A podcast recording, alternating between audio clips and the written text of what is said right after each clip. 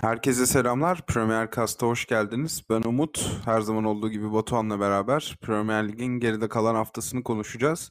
35. haftayı senin ülke içi seyahatlerinden dolayı gerçekleştiremedik ama zaten çok konuşulması gereken bir haftada olduğunu düşünmüyordum ben.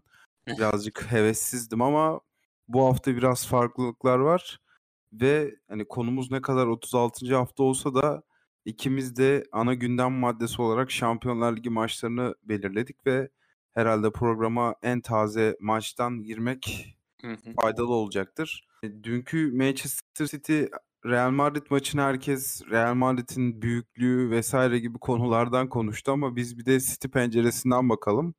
Yine hüsranla tamamlanan bir Şampiyonlar Ligi sezonu oldu ve bu her zamankinden daha çok acı verici oldu diye düşünüyorum ben. Sana topu atayım biraz da maçın detayına gireriz zaten.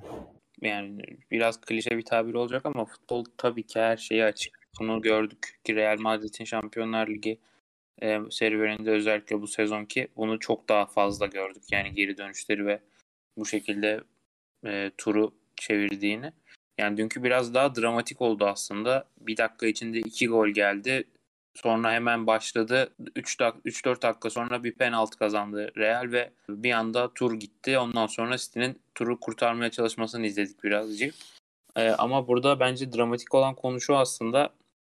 Yani bu yıllardır dile getirilen şey aslında sanki dün net bir şekilde gözüktü. Yani işte Guardiola'nın aslında maraton antrenörü olduğu ve bu tarz kısa dönemlerde çok etkisiz kalabileceği yönünde bir sürü şey yazılıyordu yıllardır. Bunu aslında dün çok net bir şekilde gördük. Yani e, City'nin işte planının, ana planının yani tabii ki bir sürü planı vardır bu maçla ilgili ama ana planın dışında birazcık işler çıktığında yani bu planlanan şeyin dışına birazcık bir sapma olduğunda bocaladığını ve e, işlerin yoluna gitmediği zaman da onu tekrar rayına oturtma konusunda e, Guardiola'nın sorun yaşadığını gördük. Yani Premier Lig'e geldiği dönemden beri aslında ligde öyle bir başına iş gelmemişti Guardiola'nın ama Şampiyonlar Ligi serüvenlerinde bunu çok fazla gördük City özelinde. Yani dün onun farklı bir yansımasıydı işte momentum bir anda kayboldu. Real yani hiç göz açıp kapayıncaya kadar turu aldı gitti. Sonrası zaten tamamen boşa uğraş gibi oldu. Guardiola özel, özelinde bir parantez açtım. Ben de oradan devam edeyim. Yani dünkü maç özelinde bir kırılma anı yaratan bir hata falan sezdin mi Guardiola'dan? Mesela itiraf etmem gerekirse Walker ve Cancelo'nun dönüşüyle beraber ilk maçtaki dominasyonu da hesaba katarak ben City'nin rahat bir şekilde tur alacağını düşünüyordum. Yani ben... Real Madrid'in tabii ki bu sezonda neler başardığını biliyorum ama City'ye karşı da papaz pilav yemez diyordum ama hakikaten o ilk golden sonra City gitti yerine bir Moldova takımı gelmiş gibi hissettim. Bir anda ikinci pozisyonla beraber geriye düştüler. Burada bireysel performans düşüklükleri de vardı dün City özelinde. Mesela Kevin De Bruyne'nin oyundan çıkması bazıları tarafından eleştirildi ama ben yeteri kadar efektif olduğunu düşünmüyorum De Bruyne'nin dün akşam özelinde. Ve herhalde şunu da söylemem lazım. Ruben Dias'ın da alıştırdığı bir performansı yoktu dün. Biraz da fark bundan doğdu herhalde. Yani ben e, büyük takımlar üzerinde yani sadece City ile alakalı durum değil bu. Genel olarak, genel olarak düşündüğüm şey şu aslında yani dün birazcık daha böyle savunmacı ve korumacı bir yapı vardı. Yani çok keskin bir şekilde sahada yansımıyordu ama oyuncuların ruh halinden ve hani böyle vücut dillerinden sanki biraz daha skoru korumaya yönelik hareket ettiklerini bence gözüküyordu sahada. Yani büyük takımların ana planı çok kuvvetli olan bir alt yani A planı çok kuvvetli olan takımların bu tarz eşleşmelerde işte plandan birazcık sapmaları istemedikleri sonuçlara yol açıyor. Yani kendi bildiği oyunu oynamak aslında bu tarz takımlar için bence çok daha doğru diye düşünüyorum. Hı hı. Ya kendi bildiği oyundan saptı ve buna gerek var mıydı emin değilim. Mesela o 2-1 olduktan sonra da artık uzatma dakikalarında falan hiç, gol beklentisi üretemedi ve yani hiç alışık olmadığı bir oyun oynadığı için, bunu pratik etmediği için çok sırıttı City özelinde de bu. İşte arkadan doldurma toplar bir de zamanda Tottenham'ın elinde olan bir Diego Llorente gibi bir oyuncu olmadığından Fernando Llorente pardon. Öyle bir oyuncunun eksikliğinden dolayı da o toplar Foden'a atıldığı için genelde Ki zaten burada da bir efekt. Yani tam bir forveti bile yok. E, kesinlikle öyle. Böyle maçlarda da birazcık fark yaratıyor. Yani dün City'nin ta- bol takipçili hesaplarından birini takip ediyorum. Adını unuttum. Hani şöyle bir tweet atmış çok da büyük bir yankı uyandırdı. hani kadro derinliğimizin az olması böyle maçlarda suratımıza çarpıyor gibisinden bir şey. Hani City'nin tabii ki kadro derinliği dünyanın en yani bu bu konuda şikayet etmeyecek takımlarından biri ama hani birkaç parçanın eksik olması da böyle mükemmelliyeti aradığınız maçlarda birazcık problem yaratıyor. O açıdan katılabilirim. Peki şöyle bir soru daha sorayım sana. Bu dün akşamki hezimet ligin yarışına yansıyacağını düşünüyor musun? Yoksa hani böyle moral bozucu skorlardan daha güçlü doğan bir Pep Guardiola takımı da hafızalarımızda yer etti geçmiş senelerden. Yani aslında buradan sonra reaksiyon vermeleri için hani bu mağlubiyeti hani en azından unutturabilmek için önlerinde iyi bir fırsat var. Hani içeride Newcastle'da oynayacaklar. Deplasmana gitmeyecekler ki hani artık Newcastle'da şu anda sezonun bitmesini bekleyen takım konumunda şu anda. Hı hı. Ee, yani önlerinde işte 3-4 4 maçı var City'nin. Ee, yani deplasmanda oynamamaları bu hafta avantaj aslında bir yerde. Çünkü deplasmanda bu kadar bir moral bozukluğuyla deplasmana gidip orada da bir puan kaybı e, o şampiyonluk ipini göğüslemelerine biraz engel olabilir diye bir düşünüyorum ama hani buradan alacakları bir galibiyet bu pazar günü Newcastle karşısında e, tekrar toparlanmalarına sağlayacaktır ama hani psikolojik olarak tabii ki şu anda konum olarak Liverpool'un biraz daha öne geçtiğini düşünüyorum. Ama Hı-hı. çok yani City'den öyle majör bir hata beklemiyorum. Şu e, Leeds maçında yani o Cancelo'nun pozisyonda olduğu gibi öyle tabii ki küçük hatalar olabilir o maç içinde yaşanan hatalar ama öyle çok büyük majör bir hata beklemiyorum açıkçası.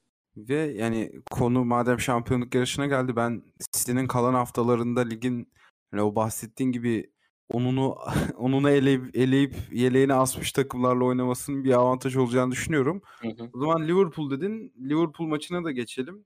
Hı hı. Aslında dünkü maç bu kadar dramatik olmasaydı Villarreal Liverpool maçı da gayet konuşulabilir bir maç haline gelirdi ama orada da tabii ki iki takım arasındaki fark Villarreal'in fizik gücü düştükten sonra bariz şekilde ortaya çıktı. Ama ben bu maçı şöyle özetleyebilirim. Hani 10-15 sene sonra bu maçın özelinde bir muhabbet açılırsa ben bu maçı Villarreal'in Liverpool'u perişan ettiği maç diye satarım yakın çevreme diye düşünüyorum. Ya da şey e, Liverpool'un şey e, Villarreal'in Şampiyonlar Ligi finalini kaçırdığı maç. Aynen öyle aynen. O, o 10 sene önceki Arsenal fina, yarı finalini de bu şekilde anlatıyorlar. Yani hakikaten Deportivo'nun Milan'a o 2000'lerin başında yaptığı bir sekans gibi falan hatırlarım ben bu maçı. Çünkü yani Villarreal öyle bir ilk 45 dakika oynadı ki ki Emery de maçtan sonra bunu söylemiş. O 45 dakikanın yoğunluğu maçın ikinci yarısını feda etmek zorunda bıraktırdı kendilerini ve Liverpool ikinci yarıda aslında çok kısa bir sekans çok iyi kendi futbolunu oynayarak turu aldı ve Real Madrid'le rövanş hakkını kazandı. Villarreal sezonun en iyi hikayelerinden birini yazdı şu ana kadar. Hani Hı-hı. aslında Şampiyonlar Ligi'nde son birkaç sezondur bu tarz böyle hikayeler görüyoruz. İşte Ajax, Tottenham, işte Villarreal şu anda. İyi bir serüven çizdiler ama artık orada bir sonraki basamağa güçleri yetmedi. Yani o seviyeye çıkmak öyle bir anda bir sezonda ya da işte bir iki sezonda olabilecek bir iş değil. Yani oraları oynamayı bilen takım olduğu zaman işte bu Real için de geçerli. Yani orada belki Guardiola'nın aşılayamadığı bu takıma en büyük şey bu herhalde. Yani o kazanma evet Premier Lig'de şey e, kazanılan şampiyonluklar var. Başka kupalar da var. Ama o Şampiyonlar Ligi o 4 son 4 takımın olduğu yer biraz daha farklı ve hani Liverpool'da, Klopp'da e, oraları oynamayı iyi bilen isimler. Yani Guardiola'nın özelinde de bu geçerli. Guardiola evet orayı biliyor ama işte City'ye geldiğimiz zaman orada bir teklem oluyor. Villarreal'in de yaşadığı tamamen buydu. Yani çok iyi başladılar. Hatta istediklerinin fazlasıyla aldıkları bir e, ilk bölüm oldu. Ama ondan sonra hani Liverpool tabiri caizse sen çekil ben işimi göreyim sonra devam ederiz gibi oldu biraz. Evet internet bağlantımızın kopmasından sonra kaldığımız yerden devam edelim o zaman. Şampiyonlar Ligi muhabbetini tamamladık. Daha ekleyeceğim bir şey var mı bilmiyorum ama zaten önümüzdeki yok, haftalarda yok. uzun uzun konuşuruz finale yaklaştığımız zaman. Hı hı. Geçelim 36. haftaya. Şu anda ligin hı hı. yani 3 büyük yarışından tamamından işte güzel sonuçlar ortaya çıktı. Hem küme düşme yarışında enteresan bizler vardı. Dördüncülük yarışında kimse hata yapmadı ve şampiyonluk yarışında da kimsenin fire vermeden devam ettiği bir hafta oldu. Çok kötü bağladım burayı ama şöyle bir yenilik yaptık programda. Artık hani tek bir cevap üzerinden ilerliyoruz ikimiz de. Hı Ve biz bu hafta haftanın maçında West Ham United Arsenal maçını ön plana çıkarttık. Aslında West Ham'ın hafta içi mesaisi olduğundan dolayı rotasyona gittiği bir maçtı. Dolayısıyla hani iki taraflı da futbol kalitesi çok yükselmedi açıkçası ama maçın önemi bakımından herhalde haftanın en beklenmedik skorlarından biri çıktı en azından kendi adıma. Ama Arsenal'ın da o 3 hafta 0 puanlık krizden şu anda net şekilde çıktığını ve artık Tottenham'la baş başa kaldığını söyleyebiliriz. Ki Tottenham Arsenal maçının yaklaşmasıyla birlikte de o yarışta heyecan bayağı artmış durumda. Yani dediğin gibi ilk 4 yarışında aslında şu anda iki takım var. Yani United'ın artık oraya iki maçı da fazla olduğunu düşünürsek çok kolay kolay girebileceğini ben sanmıyorum. Yani West Ham'da çok zor. Öndekilerin çok hata yapması gerekiyor. Zaten öndekiler hata yaparsa doğal adayı oraya United olacak. Yani Ve ligin boyu da işte çok kısaldı artık West Ham'ın daha oralara girmesi için bence. Kesinlikle. Yani şu an 11 puan var. Hani West Ham'ın da bir maçı fazla. Yani Arsenal Tottenham kalanları kaybedecek. United kaybedecek. O birazcık zor artık. Yani ya Arsenal ya Tottenham Şampiyonlar gibi artık o son bilete aday olacak takım sayısı ikiye düşmüş durumda. Arsenal burada puan kaybı yaşayabilirdi bu hafta ama senin de söylediğin gibi o rotasyon biraz işleri kolaylaştırdı. Ona rağmen West Ham'ın ben iyi direnç gösterdiğini ve maça fazlasıyla ortak olduğunu düşünüyorum. Yani benim de hani endişem işte bugün oynanacak biz perşembe çekiyoruz bu kaydı. Yani bugün oynanacak yarı final rövanş maçı. Çünkü yani kulüp tarihinin en önemli maçlarından birine çıkacaklar bugün. Kesinlikle. Ee, yani oradan çıkacak bir final. Ee, hani e, ligdeki alınacak yenilgileri fazlasıyla telafi edecek durumda olur olacaktır. Ama maça dönersek yani Arsenal'in aslında haftalardır o bahsettiğimiz gelişen oyun ve artık oturan oyun sistemini böyle zorlu maçlarda da verim ver, verebildiğini gördük. Yani benim tek endişem hala Şaka ve Elneni gibi işte iki pivot santrafor diyebileceğimiz şey pivot orta saha diyebileceğimiz orta yine e, orta saha rotasyonu dönüyor. Yani Elneni biraz daha belki Şaka'ya göre daha mobil işte daha e, farklı meziyetleri olan bir isim diye ön plan çıkartabiliriz ama sanki sezonun planlamasında da bu bölgeye yapılacak hamleler Arsenal'in şampiyonluk mücadelesi verip vermeyeceğini belirleyecek gibi duruyor. Ya önce Arsenal'dan devam edelim. Sonra West Ham United üzerine bir şeyler ekleriz. Ama ben yani Elneni'den madem konu açıldı ben yangına inanılmaz bir köpük olduğunu düşünüyorum Elneni'nin. Çünkü Crystal Palace deplasmanında parti sakatlandıktan sonra orada çoğu zaman hatta çoğu zaman da değil geride kalan iki mağlubiyette Lokonga'yı denemişti Çaka'nın yerine. Nuno Tavares'in berbatlaşan performansından dolayı Çaka'yı sol beke falan da eklediği olmuştu ama bu yanlıştan şu anda dönmüş gözüküyor ve Elneni hakikaten Parti'nin minik bir ikamesi gibi orayı çok iyi toparladı. Ee, ve işte bu hafta da Rob Holding ön plana çıktı. Ben White'ın sakatlığı birazcık soru işareti bırakıyordu Arsenal savunmasına ama Rob Holding böyle Brighton'ın inanılmaz fizikli ve güçlü stoperleri vardı ya İngiliz. Hı hı. O, onlara benzettim ben bu hafta Rob Holding'i. Ki attığı golde de bir güç gösterisi yaptı. Savunma anlamında da epey iyiydi ama yani tabii ki tekrar West Ham üzerine dönmemiz lazım.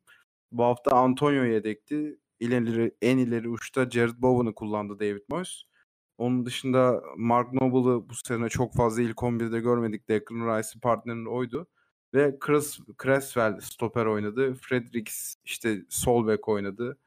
Bowen da az önce bahsetmiştim santrafor oynadı. Aslında oynayan oyuncularda da hani ilk 11 diyebiliriz ama birçok kişi pozisyonun dışında oynadığı için verim vermekte zorlandı bu hafta. Kesinlikle katılıyorum ona. Yani Elneni konusunda şu anda sezon sonu sözleşmesi bitiyor ama yani gelecek yıl işte Partey'in orada artık sabitleneceğini ve yanına belki bir transfer olacağını da düşünürsek en azından rotasyon amaçlı şu an eldeki en iyi ve yani en azından bonservis trans oraya bir harcama yapmadan tutulabilecek bir isim gibi duruyor. Ki o da sözleşme görüşmelerini Arsenal'la daha ön plana çıkartarak yapmaya başlamış menajeri. Şu anda oyuncu çok net şekilde kalmak istiyormuş takımda. Burada bu tarz fırsatlar geldiğinde de yüzü karaya çıkarmayacağının mesajını verdi bu hafta. O zaman yani haftanın maçı olarak ön plana çıkarttığımız West Ham Arsenal maçı üzerine ekleyeceğimiz bir şey yoksa haftanın sürprizine geçelim istersen. Hı hı. Burada da Everton'ı ön plana çıkarttık. Everton da hani az önce sen West Ham özelinde dedin son 20 yılın hatta kulüp tarihinin en önemli maçlarından birine çıkıyor diye.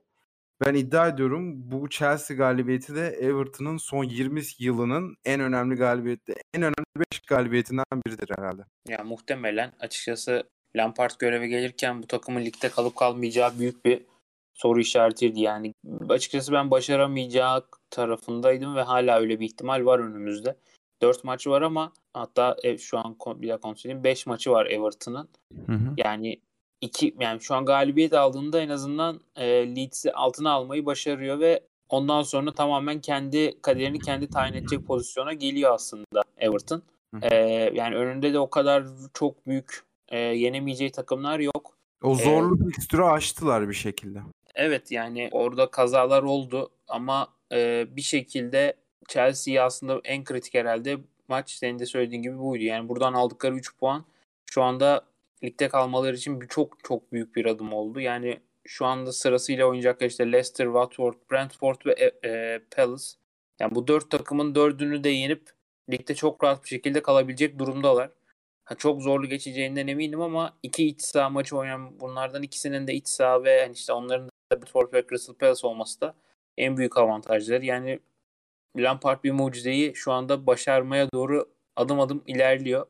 Düşerse işte Leeds ya da Burnley'e hani onların da artık farklı şeyleri yapmaları gerekiyor gibi duruyor şu anda. Hı hı. Ki Burnley üstüne düşen ekstra görevi fazlasıyla başarmış durumda ama Leeds burada tekrar aday haline geldi.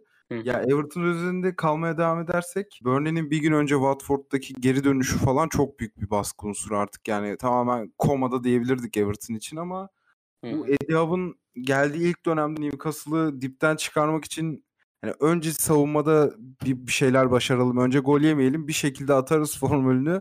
Şu anda Lampard da deniyor gözüküyor. Aynı taktik 5-4-1. İşte arada Gray ve Gordon kanatlardan gidiyor Richarlison'a ek oyuncu olarak. Ve bu da işe yarıyor herhalde. Geçen haftaki Liverpool ilk 45 dakikasında da iyi savunma yapmışlardı. Orada tamamen futbolu unutularak yapmışlardı ama bunu. Bu hafta Chelsea'ye karşı o iç sahada oynamanın da getirisi olarak biraz daha hücumcu gördük Everton'ı ama yine savunma anlamında fena bir maç çıkarmadıklarını söylemek lazım. Bu arada hani tabii ki bunlardan bahsederken Pickford'un performansında zaten programın ilerleyen dakikalarında bir konuşacağız. Ama ne olursa olsun çok önemli bir galibiyet ve hakikaten bu kabustan bir anlık bir uyanma etkisi yaratabilir Everton için. Yani Pickford'la alakalı bir şey söylemeyeceğim. Onu diğer kategoride dediğin gibi konuşuruz. ee, ama yani o Newcastle'ın dediğin gibi onu şu anda layığıyla yapıyor Everton. Newcastle'dan konuşulmuş yani bölüm bu bölümde çok konuşmuyor. Hani konuşacağımızı bir sanmıyorum ama orada da yani Eddie Howe'un gerçekten inanılmaz bir yaptığı iş var. Yani o ilk geldiğinde bir iki galibiyet fazla almış olsalardı şu anda küme düş Ocak'ta küme düşecek dediğimiz takım Avrupa kupalarına direkt aday olacak pozisyonda geldi nerede gelmiş olacaktı neredeyse. Hı hı. Yani ona da ekstra bir parantez açayım dedim. Evet evet. Onu zaten ödül yani sezon sonunda bir ödüllendirme yapılacaktır kendisi adına. Hı hı.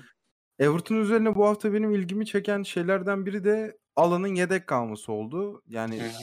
zaten beşli savunma önüne dörtlü bir set falan gayet savunmacı bir yapı varken orada alanın getireceği pas kalitesini Fabian Delph'in fizikselliğine yani Fabian Delph'in fizikselliğini buna tercih etti Frank Lampard. Tabii geçen hafta alan biraz da meme olmuştu Liverpool maçında işte iki pas denemesi falan filan tarzı. Onu biraz dinlendirdi ki bu Everton'un da en yüksek popülaritesi olan oyuncularının başında geliyor bence alan.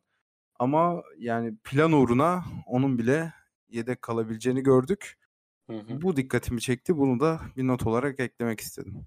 Yani maç içinde artık farklı şeyler de deneniyor ama yani ligde kalabilmek için şu an ben bu maçı işte Chelsea'nin de 3 savunmasını üstlük arkada beşli yapı varken ön tarafa bir de Dukur'un yanına alanı eklemek biraz daha takımı da kısıtlayabilirdi ama işte o Delfin biraz çift yönlü oynayabilmesi de şu anda en ihtiyaç duydukları şey aslında Everton açısından yani iki tarafa da oynayabilecek bir oyuncuyu bulmak.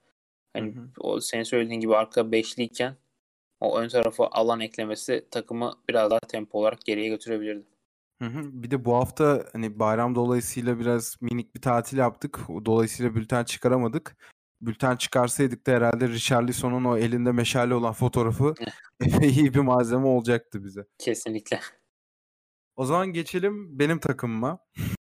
Haftanın takımında aslında ligin iki amaçsız takımının mücadelesinde kazanan çok önemli olmazdı ama Brighton Wolverhampton'ı öyle bir mağlup etti ki yani hem oyun anlamında hem skor anlamında ben Wolverhampton'ın iç sahasında bu kadar küçük duruma düştüğünü sezon başından beri görmemiştim ve onların hani sağlam savunma yapılı takımının birazcık karizması çizildi galiba bu hafta. Benim için haftanın sürpriz sayılabilecek maçlarından biri de oldu bu açıkçası ama maçın hani skora baktığımızda bu kağıt üstünde böyle gözükebilir ama maça maç özelini izlediğimizde yani öyle Brighton'ın da çok hani amşan bir oyun oynadığını ben söyleyeyim.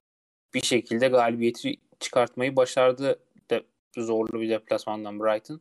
Yani Wolverhampton'ın aslında son dönemde bir Aston Villa galibiyeti var içeride. Onun harici ondan önce de işte Everton'la e, pardon Leeds'e yenildikleri maçtan itibaren yani işte Mart'ın sonlarına doğru başlayan bir serüven var ve oradan sonrası birazcık yokuş aşağı gidiyor kötü anlamda Wolverhampton açısından. İyi Son 5 maç 4 mağlubiyet. Yani işte iyi başladıkları sezonu çok kötü bitirmeye doğru gidiyorlar. Yani son rakipleri de Norwich küme düşen bir takım. Ama onun haricindekiler hem ile hem Liverpool hem de Chelsea oynayacak Wolverhampton. 3 mağlubiyet de şu an yüksek ihtimalli gözüküyor açıkçası. Yani sen şimdi Norwich küme düşen takım deyince haftanın olayı gayet Norwich de olabilirmiş ya. Şöyle bir düşündüm de. Ki onun ama yok yani girizgahını yapacaktım programın başında da unuttum açıkçası. Yok Chelsea ama... özelinde de bir şeyler ekleyebilirdik oraya. Direkt yani şampiyonlar zaten... heyecanıyla girdim valla. Ya zaten Norwich'in düşmesini artık yani çok o bir haber değeri taşımadığı için normal konuşmamamız. çok büyük sürpriz oldu bu hafta Norwich'in küme düşmesi. ee, onun dışında hani biraz Brighton konuşalım. Senin dediğin gibi öyle amşan bir futbol yoktu ama Wolverhampton'ı çok net şekilde kısıtladılar ve yani en az gol beklentisi zaten az gol beklentisi üreten bir takımın en az bu sayıyı katkı yaptığı maçlardan biri oldu. Geçen haftalarda yine bahsetmiştim. Onun üzerine bir şey eklemeyeceğim. Bu iki hücumculu kanat bek sistemi gayet işe yarıyor ve Trossard'ın performansı inanılmaz artmış durumda yeni rolünde. Onun da ayın oyuncularından biri olduğunu düşünüyorum ki o da nomine edilecektir zaten ay sonu gelince. Hı. Ve geçelim bu maç üzerine ekleyeceğimiz bir şey yoksa. Benim ekstra bir şey yok şu anda. Hı hı. Haftanın menajerinde de Michael Jackson yani Mike Jackson artık hangisini seviyorsanız onu ön plana çıkarttık. O da şu anda kendi içinde inanılmaz bir iş yapıyor ve hani bu Di Canio'nun Sunderland'i, Roberto Martinez'in Wigan'ı küme düşmeden kurtarması gibi onlara yakın hatta belki onlardan daha spesifik özel bir iş yapıyor şu anda Michael Jackson ve ekibi. Ben Mee'nin olduğu ekibi. Yani şöyle özetlemek lazım.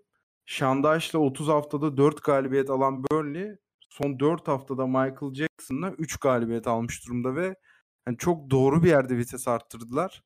Bu haftaki galibiyetleri de yine az önce Everton özelinde bahsettiğimiz gibi son 20 yılın en ikonik anlarından biriydi Burnley için. Yani ben de açıkçası Şandaş'la görev e, yollar ayırdıktan sonra Burnley'nin tamamen tepe taklak aşağı gideceğini düşünüyordum. Burada linçlemiştik ee, karşılıklı. Yani o kadar majör bir fark beklemiyordum açıkçası. E, Mike Jackson'dan ve ekibinden.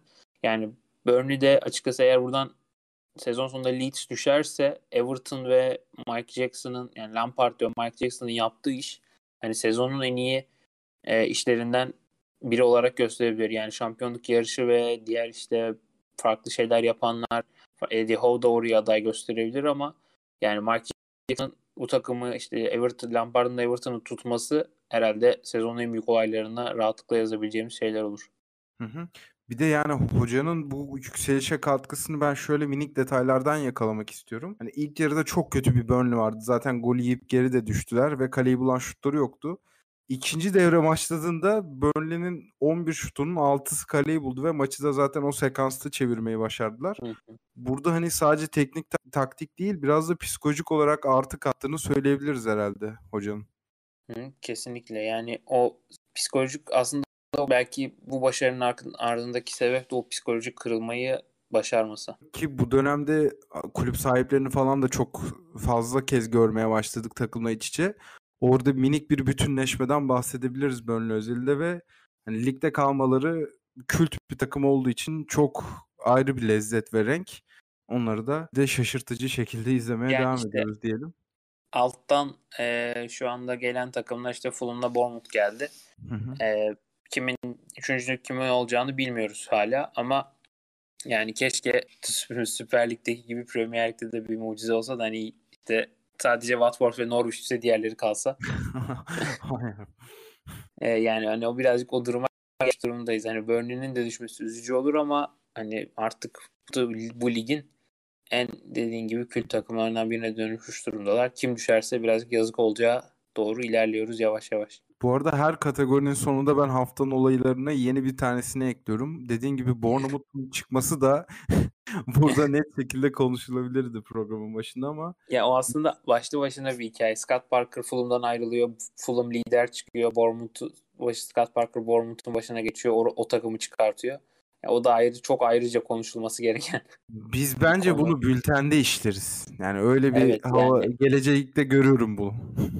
Hani yani Championship gibi işte 24 takımın olduğu yerde de Fulham'ın 106 golle yani tam yani 110'a doğru giderler muhtemelen Yani sezon sonunda 110 gol atıp 40 gol yemesi sadece. E, o da ayrı bir e, Canavarlık. gereken konu. Evet.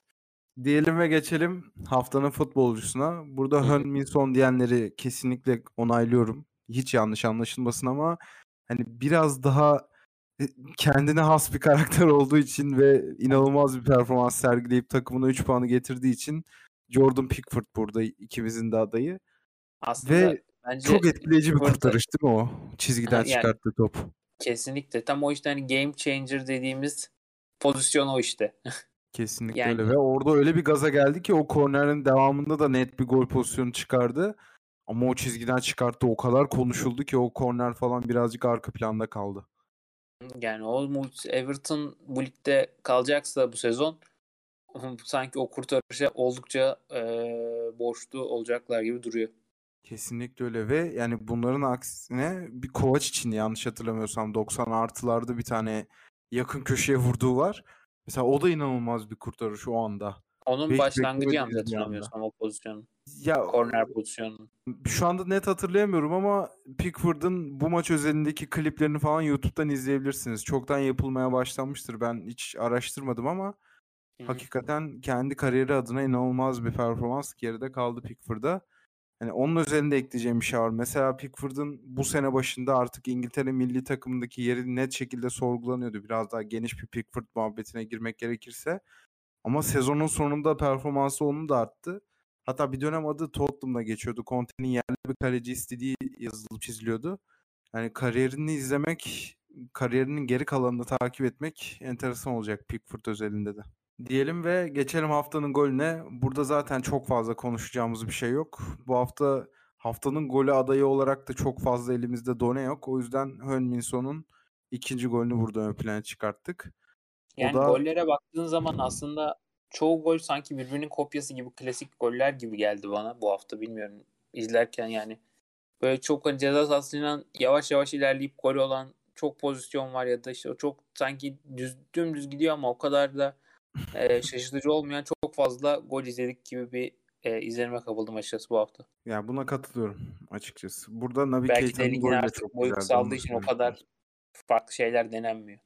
Kesinlikle öyle. Zaten yani yavaş yavaş tamamlıyoruz ligi. Bu hafta bir de şansını hani ligde amaçsız takımlar birbiriyle çok fazla oynadı. O yüzden yani çok heyecan katsayısı yüksek maçlar ve bunun beraberinde getirdiği şık goller de izleyemedik açıkçası. Ama yavaş yavaş sezonu tamamlıyoruz bu şekilde diyelim ve son kategorimizde Leeds United'ı birazcık konuşalım. Onlar Jesse Marsh'ın gelişiyle beraber yine bir yeni hoca efektiyle kendilerini rahat bölgeye atmış gibi gözüküyorlardı ama bu hafta hem Everton'ın hem Burnley'nin kazanması Leeds United'ın geride kalan fikstürünü de göz önüne aldığımızda onlar için bayağı bir baş ağrıtıcı olabilir sezonun sonuna kadar. Yani o aldıkları iki galibiyetten sonra hani oradan ben toparlarlar diye düşünüyordum açıkçası Leeds United özelinde. Ki hani işte bu City maçına gelene kadar da o Wolverhampton maçındaki mucizevi dönüş işte onun öncesi Norwich galibiyeti işte sonrasında Watford ve Southampton'da alınan puanlar derken yani City maçına aslında bayağı oluşuyor moralli gelmişlerdi ama bir anda işte o dört farklı yenilgi bir anda tepe taklak olmalarına da e, yol açtı. Yani şu anda tabii ki dediğim gibi Everton'ın kazanmasına bakıyor iş. Everton kazanırsa bu eksik maçını Leeds'in bu sefer farklı bir şey yapması gerekiyor. Hı hı. Yani orada da Leeds açısından hani belki tek dezavantaj şu anda Arsenal'le oynayacak olmaları e, deplasmanda. Ama Brighton gibi de sürpriz bir galibiyet e, oradan çıkartmaları imkansız değil ama bir, bu Everton'a göre biraz daha fikstür olarak dezavantajlı durumdalar. Şöyle bir oyun oynayalım abi sen ne istersen. Ben Leeds'in geride kalan maçlarını sayayım sana. Sen de buradan kaç puan çıkarabileceklerini söyle. Ya Ki açık bunu- önümde ben e, yani sadece 6 puan diyorum. Yani bu 6 puan Leeds United için iyi senaryolardan biri. Ben o kadar optimist değilim mesela Leeds United'ın 6 puan çıkarabileceği konusunda. Çünkü hani dinleyenlerimizi de sayalım maçları. Arsenal deplasmanı ardından erteleme maçında Chelsea'yi ağırlıyorlar. Brighton and Hove Albion'ı ağırlıyorlar içeride ve Brentford deplasmanına gidiyorlar. Hani şu anda bu maçların hiçbirine kağıt üstünde favori çıkmıyorlar ve hani sahada da Leeds United'ın favori olmadan çıktığı maçlarda çok sonuç almada efektif olduğunu söyleyemeyiz en azından Everton kadar veya Everton'un son ayları kadar diyelim. O yüzden hani çok sıkıntılı bir ge- gel- sezon sonuna doğru gidiyoruz bence Leeds United özelinde. Şu anda tek bir maça bakıyor. Yani Everton erteleme maçını ne zaman oynayacak onun bildiğine hemen bak kontrol edeyim. Ben de bakayım yandan. Ha, bu hafta içi oynuyor Everton. Yani Leicester maçından sonra bu hafta oynayacak Watford'la erteleme maçını. Hı hı. Yani o maç e, çok belli olacağı maç olacaktır düşünüyorum. Yani Everton oradan galibiyetle çıkarsa Leeds için bayağı büyük tehlike çanları çalmaya başlayacak. Ki sanırım hani Everton Watford'dan puan alırsa Watford'un da ligdeki bir amacı kalmamış oluyor. Hani puan mı galibiyet mi onu bilmiyorum ama Watford için de yalnızca 3 puanın bahse konulması gereken bir maç olacak o da. Hı. Eğlenceli olacak ama. Kesinlikle yani şu anda zaten 12 puan var ama birazcık Watford'un işi şeye kalmış durumda yani. hı. Mucizelere kalmış durumda. Ligde kalabilecek durumda olması Ki ilk maçta da Watford'un Everton'ı 5 dediğini herhalde hepimiz hatırlıyoruzdur. Onların da içinde minik bir rövanş maçı olacak diyelim ve yaklaşık 40-50 dakikaya gelirken artık bu haftanın konuşulanlarını konuştuk. Teşekkür ederim sana bana eşlik ettiğin için abi. Ben teşekkür ederim sana. Biz dinlediğiniz için çok teşekkür ederiz. Haftaya tekrar görüşmek dileğiyle. Hoşçakalın.